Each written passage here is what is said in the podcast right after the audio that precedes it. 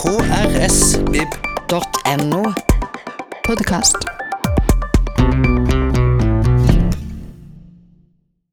Velkommen til Klassikerklubben spesial. Jeg sitter i studio med kunsthistoriker Frida Forskeren og litteraturformidleren på biblioteket, Camilla Gulbrandsen, og jeg heter Miriam Christensen.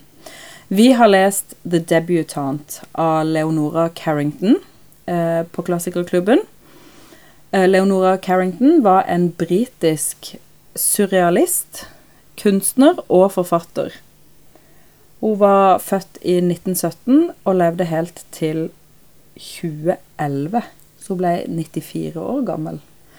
Frida, Frida, hvor skal vi plassere Leonora Carrington i det kunsthistoriske landskapet?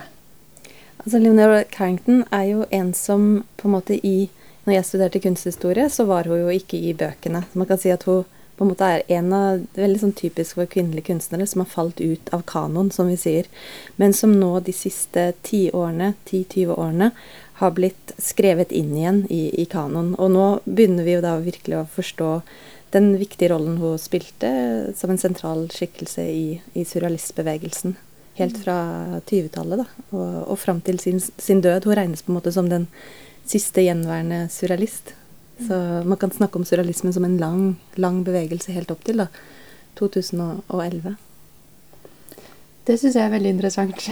um, for jeg bare leste sånn at, um, at Tate-museet de hadde tatt inn noen verk, eh, verker av, um, av, henne nå, og så sto det sånn at hun var gjenoppdaget, på en måte. da.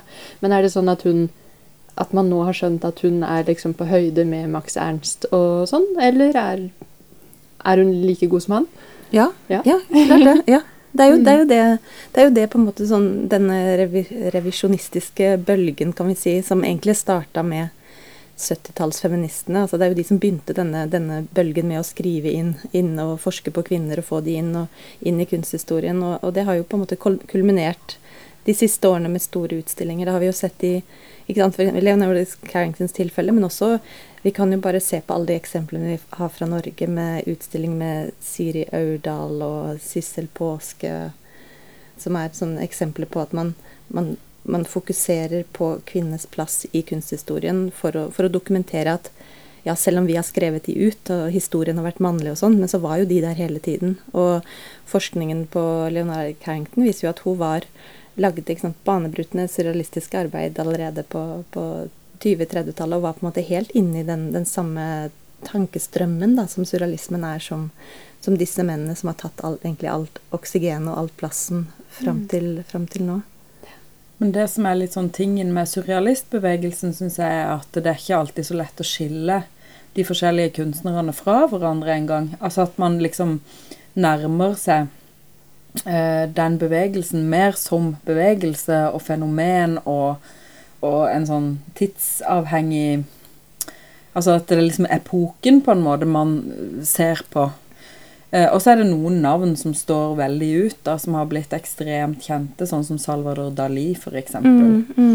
Ehm, så for meg så har liksom surrealistbevegelsen bare vært en sånn eh, Altså jeg har på en måte ikke vært så opptatt av enkelte kunstnere, men mer bare liksom hva var det de tenkte som gruppe, eller som Mm.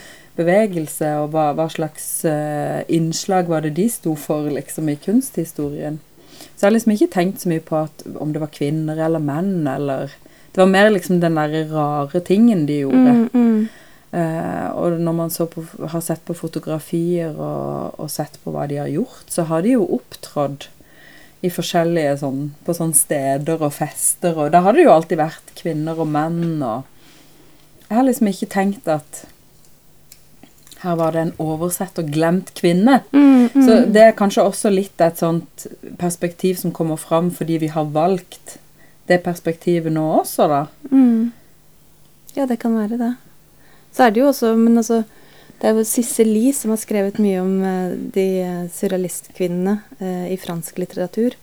Hun er jo veldig opptatt av det at det finnes på en måte en egen kvinnelig surrealisme. Hun har et sånt sitat som jeg tenkte jeg skulle ta frem. Hun sier at fordi kvinner utforsker seg selv, mens surrealistmennene utforsker kvinnene, så oppleves deres, deres kunst også annerledes, sier hun. Så hun jo mener jo at det er en egen egen surrealistisk uh, kvinnelig kunst, da. Særlig dette med at uh, kvinnene bruker dyr, som totemdyr, som formidlere av dette ubevisste og Mm. Men denne andre det- virkeligheten. Hun mener ikke det som en sånn kritikk eh, på noen måte? Nei, det er, liksom- en, på en måte en, ut, en utforskning. Ja, kanskje det er noen tematiske for, Mm. for, forskjeller her. fordi at det, det er jo veldig mye mytologi rundt nettopp kvinnerollen i surrealisme. ikke sant? Det, jeg leste et eller annet, en eller annen som sa det at liksom Once you were 25, you were totally out and gone. Altså, altså dette med at kvinnene, nei, surrealistmennene så på kvinnene som et sånn barne ba, barnevesen som hadde all uskylden i seg. ikke sant? Men da var jo kvinnen bare interessant som et sånn subje, subjekt man kunne utforske fram til hun altså Så lenge hun var et barn. Mm. Men den voksne kvinnen var ikke interessant. Men så Det er sånne interessante perspektiver. Mens når du var kvinne, altså når du, du, du var kvinne og du var kunstner, så hadde du ikke det utenfra-blikket på deg selv. Da var det jo bare den du var, og uttrykte det du, du, det du Ja. var. Det. Og det er jo det de sier jo veldig tydelig om den novella som Leonora Carrington skriver etter sitt mental breakdown. Den er down below, når hun har vært liksom gjennom helvete. ikke sant? Da har hun liksom Hun har vært helt Hun har skrevet på en måte om hva det er å ha et sammenbrudd fra innsiden.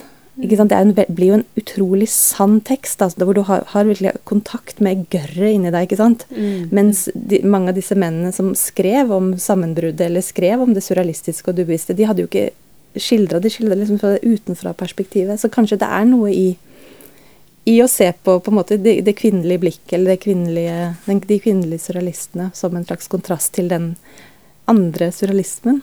Jeg, jeg syns det er interessant når forskere grubler på dette, sånn som Sissel Lie, da. Mm.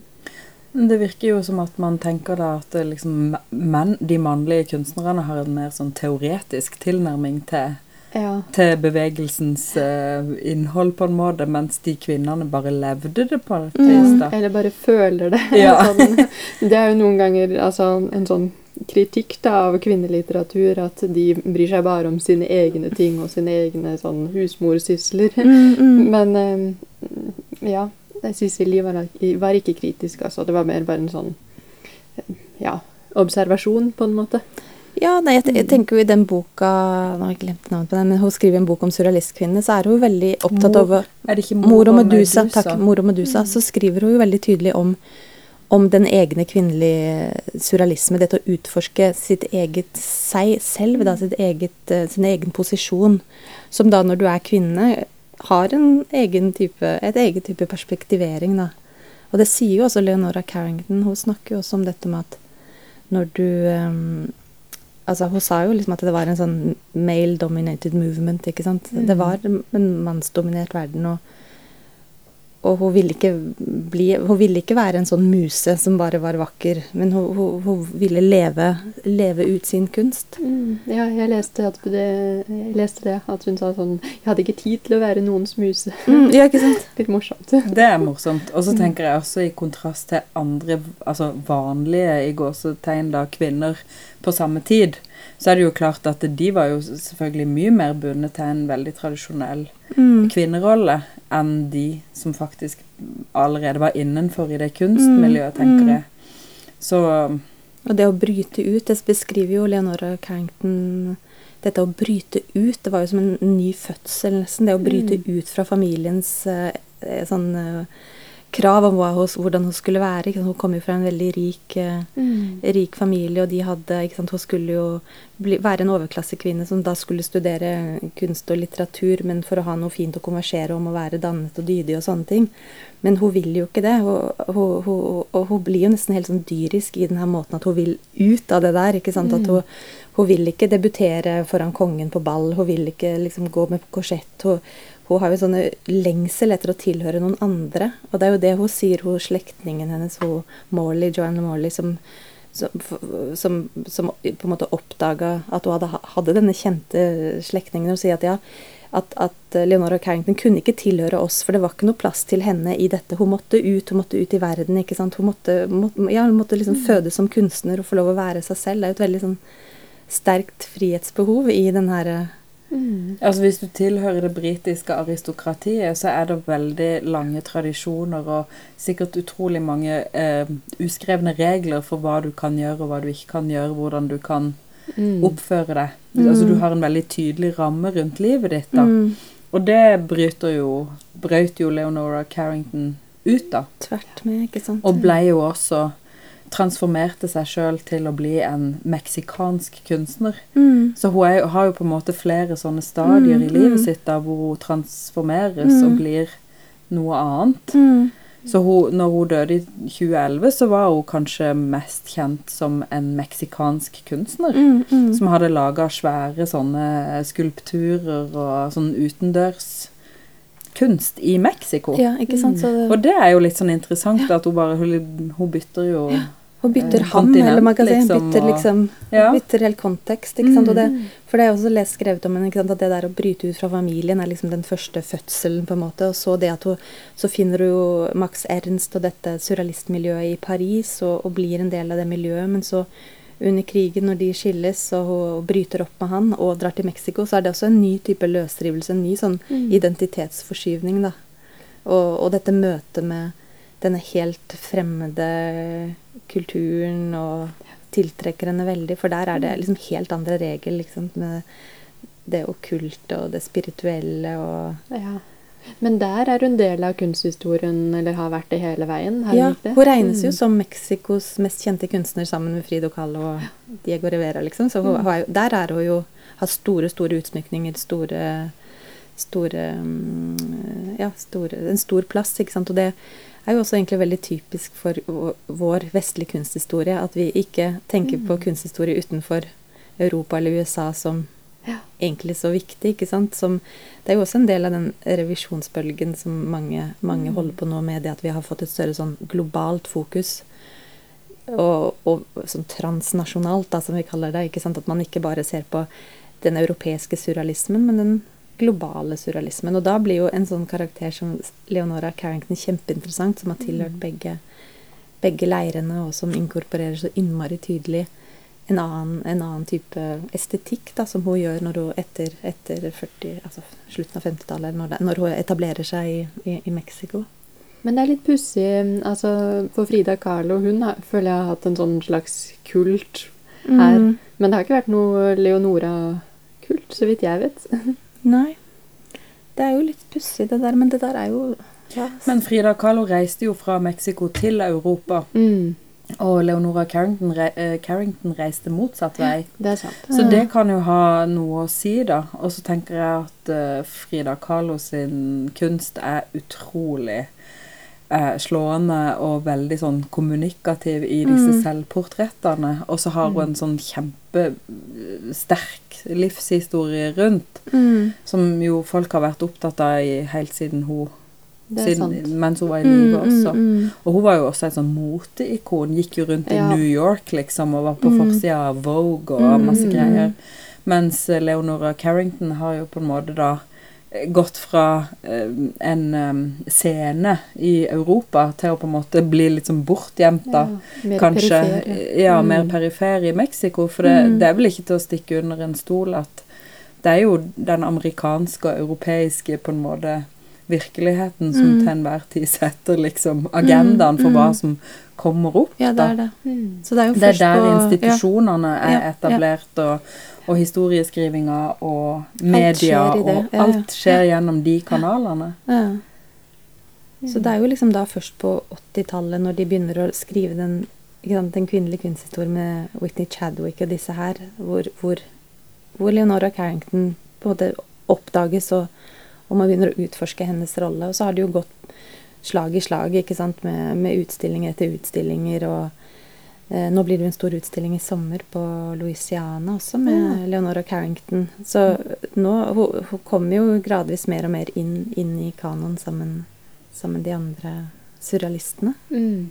Mm. Da er det der vi skal reise i sommer, altså. Til Vi skal skal dit, ja. Ja, definitivt. Jeg gleder meg veldig, for hun har jo en veldig spesiell det er jo en veldig spesiell malerstil. Sånn som vi var inne på dette med at du sier at du sånn som Dal, Dal, Alle kjenner liksom Salador Dali, eller alle kjenner liksom Breton, alle kjenner disse Men det er kanskje ikke så mange som kjenner et Leonardo Carrington-bilde. Og, Og hun har jo den Det som er så fascinerende med henne, er den derre sans for sånne detaljer. Det er sånn Mm. myldreteknikk. Hun er jo nesten helt sånn middelaldersk i måten å male på. Sånn, minner litt sånn Hieronymus Bosch-aktig, med masse, masse, masse, masse sånne små symboler som du Så ja, som mylder på lerretet, og det der at hun blander Hun blander jo også fargene. Brukte sånn middelalderteknikk, sånn Ja. eggtempera, hvor hun brukte ferske egg, ikke sant, for å få disse glødende fargene. Så hun, Mm. har jo en, hun er jo en veldig spesiell, spesiell kunstner, tenker jeg, med de derre korte, korte, små, presise strøkene som jeg tenker Ja, kanskje man ikke får se så godt når man ser i reproduksjon, men som kommer til å bli veldig fascinerende å se Mm. i live. da. All kunst er jo best live. Så, så jeg, jeg har definitivt lyst til å, Mm. til å utforske henne nærmere. Og det, jeg tror også, det er jo en motivverden som i hvert fall jeg føler man trenger mye tid på.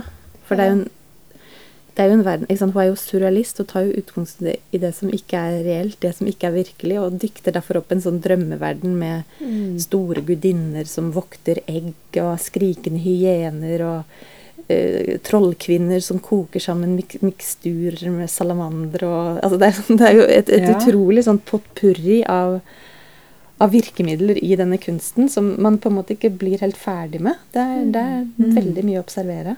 Jeg tenkte akkurat på det at jeg, at jeg synes at Frida Carlo kan, eh, sine malerier kanskje er litt lettere å like.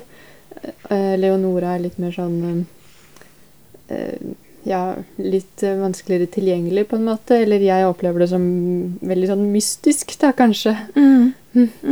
Ja, det, du får følelsen av å møte et billedspråk som ikke du har noen forutsetninger Mm. for å tolke, da. Mm. Så du blir veldig sånn nysgjerrig på hva er det egentlig som skjer i dette maleriet Mm. med denne For eksempel det mm, maleriet som heter The Giantess, The Guardian of the Egg. Hvor det er en kjempestor kvinne med et sånn lite hode på toppen. I en stor rød kjole, stor hvit kappe med og et bitte lite egg i små hender. Altså, det er noe med sånn proporsjoner og alt som er rundt, som er bare veldig Det er veldig gåtefullt. Og det er veldig Hvis du har sett uh, Hieronymus Bosch, så får du veldig um, eh, assosiasjoner til disse her middelaldermalerne. Og samtidig er det liksom noe helt annerledes, da, fordi det er en kvinne. Mm. En kvinneskikkelse som er sånn Som ikke er Maria. Mm. Ja, det er en kvinne som på en måte holder hemmeligheten. Som Ja. vokter egget, som har liksom Ja. sannheten. Og så er det ikke en mann som har det, men det er en dame. Og hun er liksom ikke religiøs, men hva er hun da? Ja, ikke sant? Håret hennes er dekka av liksom strå. Så det er noe sånn Hun kobler seg på noe sånn urmytologi, ikke sant, som, som man bare må spinne videre på selv, Mm. eller finne ut av selv. Det fins jo ikke noen ikke sant, eh, Som regel når man Sånn som Hieronymus Bosch forholder seg jo eller veldig mye middelalderkunst da forholder seg jo alltid til en sånn oppskrift man kan finne i Bibelen eller hellige Mm. tekster. Men her finner jo Leonore da Carrington opp disse, disse verdenene sine selv. Så det er veldig åpne tekster, da. Åpne bilder, åpne Mm. Men når jeg ser på det bildet der med ja, hun damen med det lille hodet og egget, så jeg blir litt sånn derre Hva har hun tenkt her? På en måte, Jeg føler at, det en, at jeg må tolke på en måte og sånn. Men var, eh, sa Leonora Carrington at man ikke skulle angripe det på den måten? At man bare skulle føle?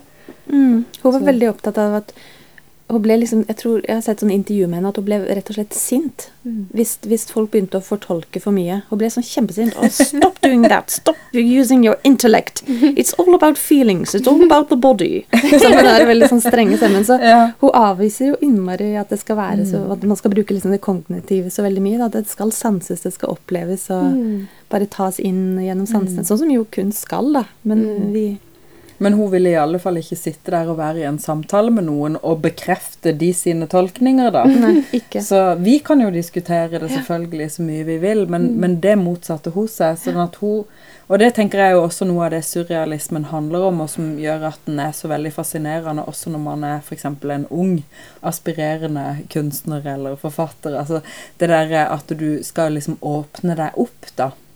Og du skal på en måte la tanker, følelser, intellekt Alt skal på en måte bare strømme litt sånn fritt. Altså de drev jo med alle mulige slags metoder og eh, hadde teorier om hvordan man skulle forløse liksom dette her underbevisste og Mm. Altså la det bare flomme ut, da. Mm. Og det, da, da får du sånne malerier som Leonora Carrington malte, kanskje. At Ja. det er på en måte en, det er en indre verden, da. Mm. Men det syns jeg er så utrolig fascinerende med de maleriene også. For du, du møter et sinn, liksom. Du møter en indre verden som ikke er din egen, men som du blir veldig fascinert av, da. For du Det må jo liksom Hva betyr det? Det flyr masse fugler ut av den store, hvite kappa og ja, det, det er veldig Du kan liksom stå og se på de veldig lenge, da. Du blir liksom Mm. ikke ferdig. Jeg er veldig, det, er veldig, det er veldig veldig rike malerier også. Jeg har, sett, jeg har bare sett i reproduksjon, da, men disse store frisene Hun malte altså store veggmalerier fra Mexico med alle disse myldre, myldrehandlingene og som, som bare, Det er bare utrolig, utrolig rikt. En veldig, veldig rik visuell eh, kultur. Jeg har jo sett mm. noen av maleriene hos henne i Venezia. I Peggy Guggenheims eh, samling, hvor hun er i en kontekst med andre surrealistmalere. Eller surrealistkunstnere. Og der eh, Hun glir jo veldig fint inn der, da, tenker jeg, med noen av de eh, maleriene. Det var nesten litt sånn at jeg ikke kunne se forskjell på Max Ernst og Leonora Carrington. Eller jeg har blanda noen av de maleriene i hodet, liksom. Var det Ernst, eller var det Carrington?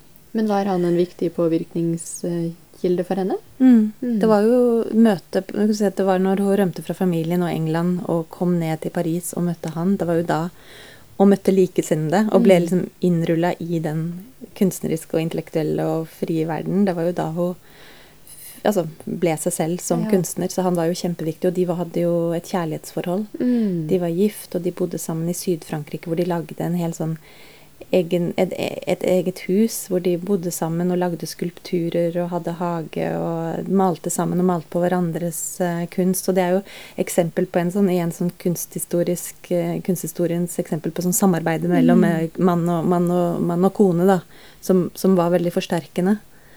Um, og så ble de jo atskilt under krigen, og Ernst gifta seg etter hvert med nettopp Peggy Guggenheim, oh, ja. som da faktisk ja. For all del. ja, for all, alt- alle disse folka henger liksom sammen i eh, eh. samme miljøet. Og så er det jo egentlig når hun på en måte flykter, eller ja, etter krigen, ikke sant, øh, skiller seg fra Ernst og det miljøet, at, at hun hun snakker jo om det som, et, liksom, en, som jeg sa, en type ny sånn der forløsning eller ny, ny fødsel, hvor hun kan utvikle seg selv som seg selv, da. Ikke så i, under påvirkningen av den, den Paris-kretsen av, av surrealister.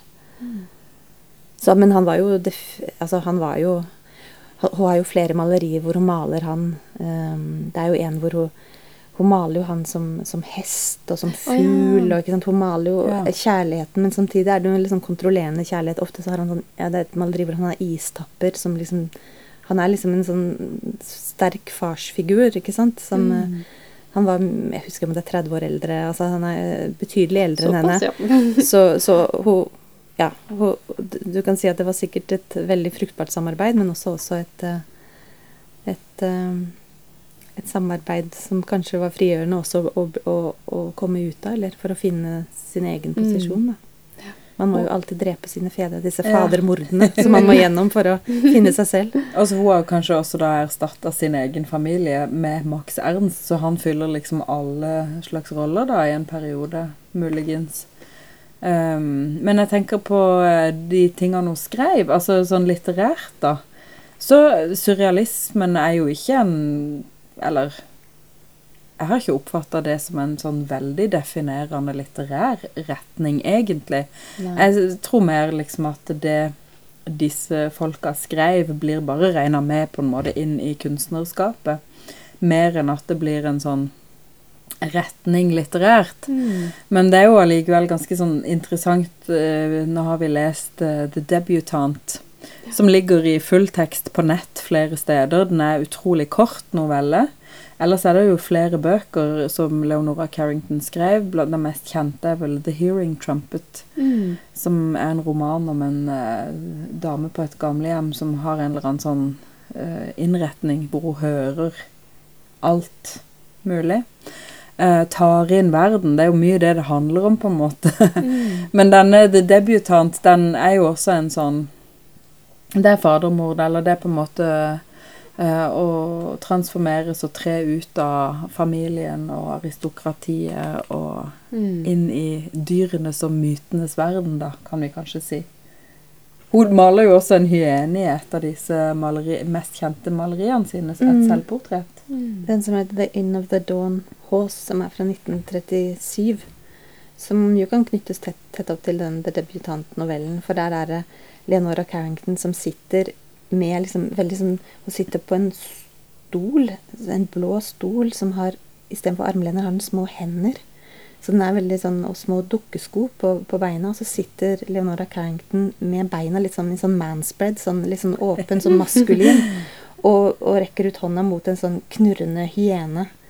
Og bak, i et vindu bak, så ser vi en, en hest, en hvit hest i vill flukt liksom ut mot det ukjente. Så du får en veldig følelse av at her er det Det er den forløsende, forløsende flukten. Det er en, eh, det er en, en, type frigjøring. Og så er det også en form som bare sånn, delvis sånn utviska, som er et sånn liksom magisk felt i dette, dette maleriet. Men det er jo et klart sånn, det vi vil kalle et klart surrealistisk verk, for det har alle disse absurde komponentene satt sammen. Um, Og så er det veldig eh, Hva heter det for noe? Veldig sånn naturtro. Alt Ja. sammen er veldig, malt veldig nøyaktig. Det er Men det er bare at tingene som er satt sammen, er liksom helt mismatch. Ja, det liksom Mm. Det, det gir seg ikke av seg sjøl, liksom. At man har en hyene og en kvinne på en stol Mm. med hender. Mm. Og så er det vel det fordi hun um, Susanne Christensen, som har skrevet en biografi om Leonora, Leonora Carrington nylig, hun er jo veldig opptatt av å knytte Leonora Carrington opp til en sånn type økofilosofisk tanke. At, sant, at hele, hele naturen er besjela. Det er ikke bare vi mennesker som dominerer, men det er på en måte Mm. der, der, der all, all, alle ånder, alle, alle krefter er viktige. Og det kan man jo liksom se i denne The, the Inn of the Dawn Hall også, med denne stolen. Selv denne stolen har armer og bein. ikke sant? Det er, Mm. det er liksom, alt er en sånn pustende organisme, som jeg syns er veldig interessant. Mm. Um, veldig interessant. Og det, jeg tenker jo det, det Dette er jo et maleri fra 37, som, som uh, Og vi ser veldig klart at hvordan hun utvikler seg i den perioden i Mexico hvor hun jobber med en, enda, sånn, hva skal man si, enda mer sånn symbolsk og fortetta billedspråk med mye mer sånn myldrebilder Mm. enn i dette liksom tidlige arbeidet som er klart sånn veldig sånn Sånn som du sier, veldig sånn klart og figu figurativt. da. Figurativt var, var vel begrepet Nei, altså i kunta sier vi bare at vi, vi kan gjenkjenne figurene. Vi kan Ja. lese det lett, på en måte. Vi kan, Ikke si, det, er noe, det er ikke noe Vi lurer ikke på hva vi ser. Men som du sier, så er det måten disse figurene er kombinert da, som gjør Ja. at vi får den herre Hm, men hva er dette virkelig? Hva er dette Hva egentlig? er dette? Ja, Hvorfor det er henger den eh, gyngestolen på veggen? Det er jo drømmebilder, og drømmen er jo veldig viktig i surrealismen. Mm. Men uh, du nevnte Susanne Christensen sin, um, sitt essay eller biografi om uh, Leonora Carrington. ja. Det er jo sånn som, uh, sånn som skjer, at man, man tror man er den eneste som har plutselig funnet ut at nå skal vi lese litt Leonora Carrington, og så plutselig så dukker det opp noen har skrevet en bok, det kommer en utstilling, og så skjønner du å, jeg må ha snappa det opp fra et eller annet sted, bare at jeg ikke husker det. Men plutselig var alle veldig opptatt av Leonora Carrington. Mm. Uh, men uh, siden vi skulle ha om henne, så har vi jo selvfølgelig også lest uh, Susannes bok og snakka med henne. Og hun skriver jo fram en utrolig interessant tolkning av både Leonoras liv, men også av kunstverkene hos sine. Som du ble veldig inspirert av, Frida. Mm, ja, jeg ble veldig inspirert, for jeg syns den teksten liksom åpna opp et mulighetsrom for hvordan man kan skrive om kunst. At man kan ved på en måte å lage veldig sånn effektive drømmebilder og bruke godt levende språk, så kan man liksom Mm. åpne opp et kunstnerskap på en veldig fin måte. Så for meg ble det veldig inspirerende å lese hennes bok, for jeg leser jo mye sakprosa om kunstnere. Veldig mye kunstnerbiografier.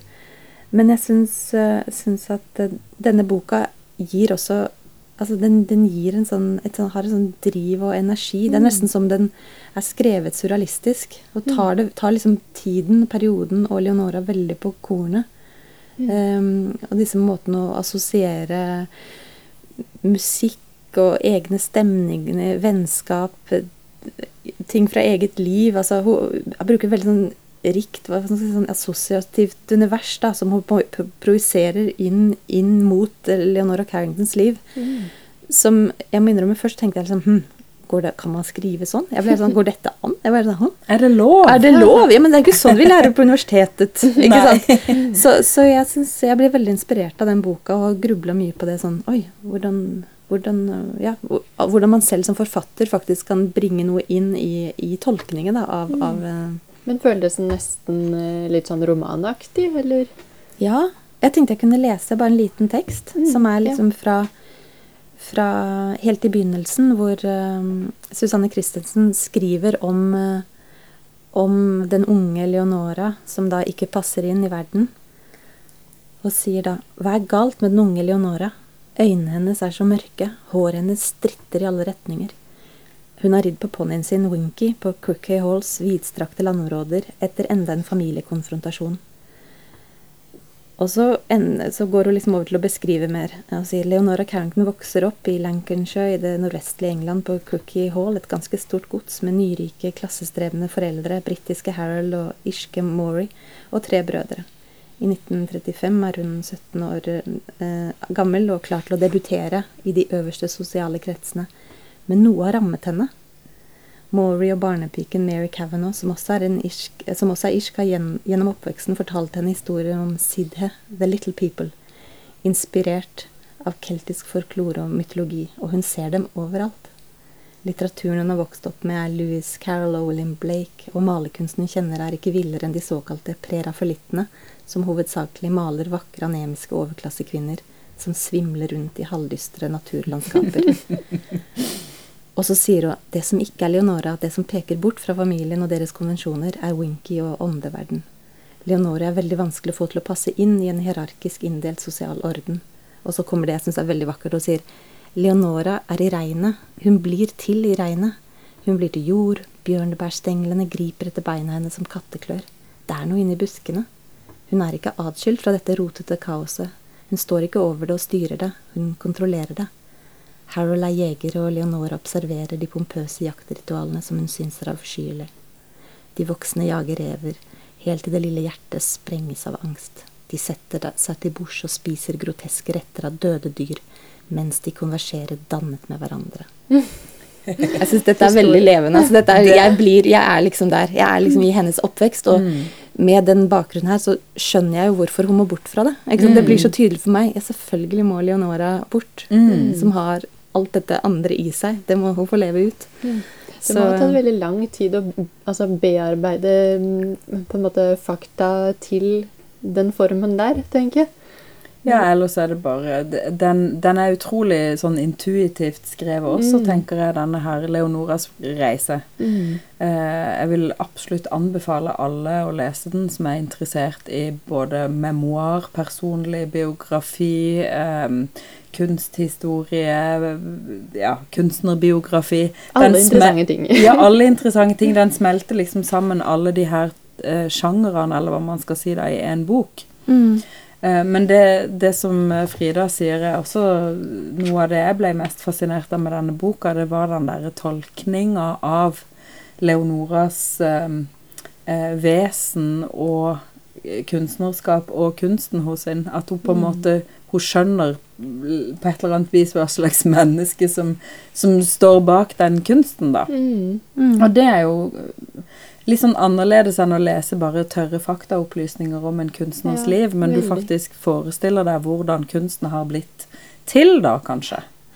Altså den, jeg tenker jo at hun fletter livet sitt veldig Mm. tydelig sammen med Leonora Carrington. Ja. For Mm. eh, Susanne Christensen har også et opphold på et, eh, et psykiatrisk sykehus. Hun har også opplevd å være utenfor. Hun har også tydeligvis Nå kjenner jeg ikke henne, da, men hun har også tydeligvis en veldig sånn sterk jeg sånn fenomenologisk følelse av verden. Det der å føle veldig sterkt og ta inn inntrykk og føle seg stor og stolt og mektig og glad, for så å synke sammen og være usikker. Men det å være liksom et menneske med masse sjatteringer Hun bruker Mm. liksom bruker liksom seg selv veldig i tolkning av Leonora. Mm. Og det husker jeg i hvert fall når jeg studerte kunsthistorie sånn på 90-tallet, så var jo det helt sånn fy, fy.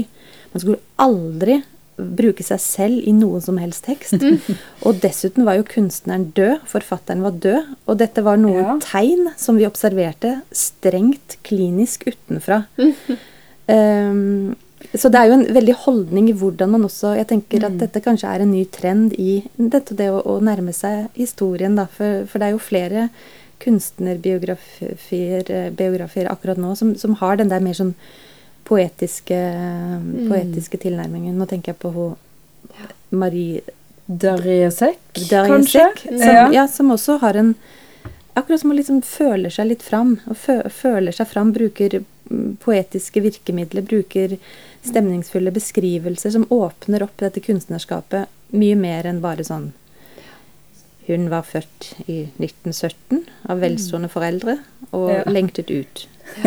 og så hadde hun karriere og flyttet til Mexico og fikk uh, stort gjennomslag. Ikke sant? Så du får den derre som du på en måte ikke sier noe mer. Men liksom, det var det jeg, jeg likte veldig godt denne boka til ho, Susanne Christensen. For den tok meg virkelig med på en sånn reise eh, inn i et kunstnerskap og inn i et sinn og inn i et landskap som jeg kunne liksom drømme meg gjennom sammen med henne. Da. Så, så det, for meg ble det en veldig en utrolig god, god introduksjon til Leonora Carrington og til en ny måte å skrive på. Og jeg leste, når jeg forberedte meg altså For å kunne snakke om Leonora Carrington, så leste jeg jo mange sånn tradisjonelle biografier.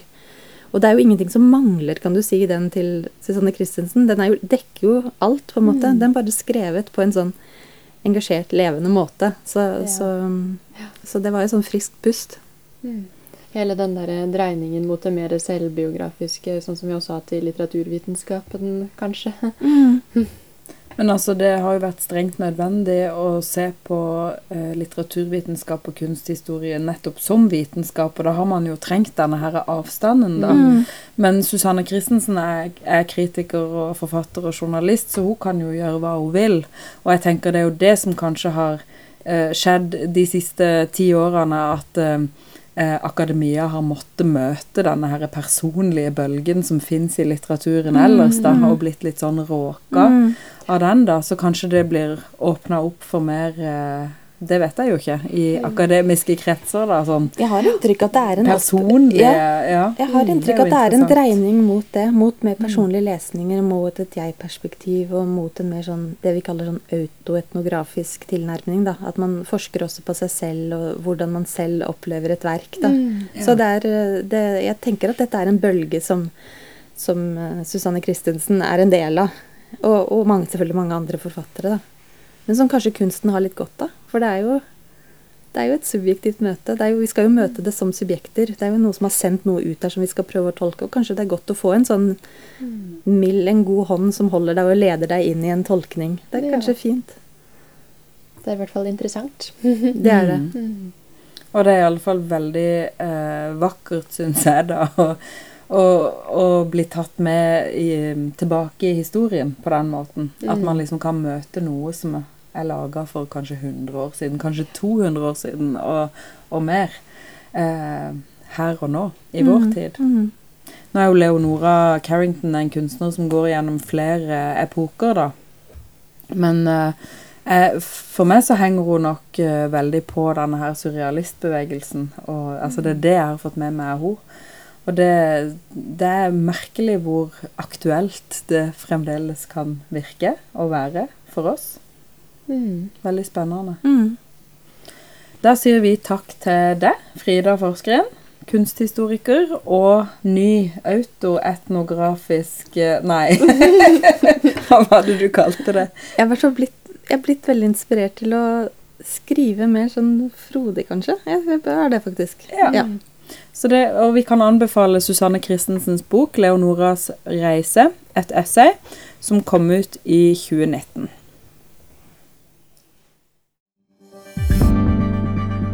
Flere podkaster fra oss finner du på Google Podkast, Apple Podkast eller iTunes, eller ved å stikke innom vår hjemmeside på krsbib.no.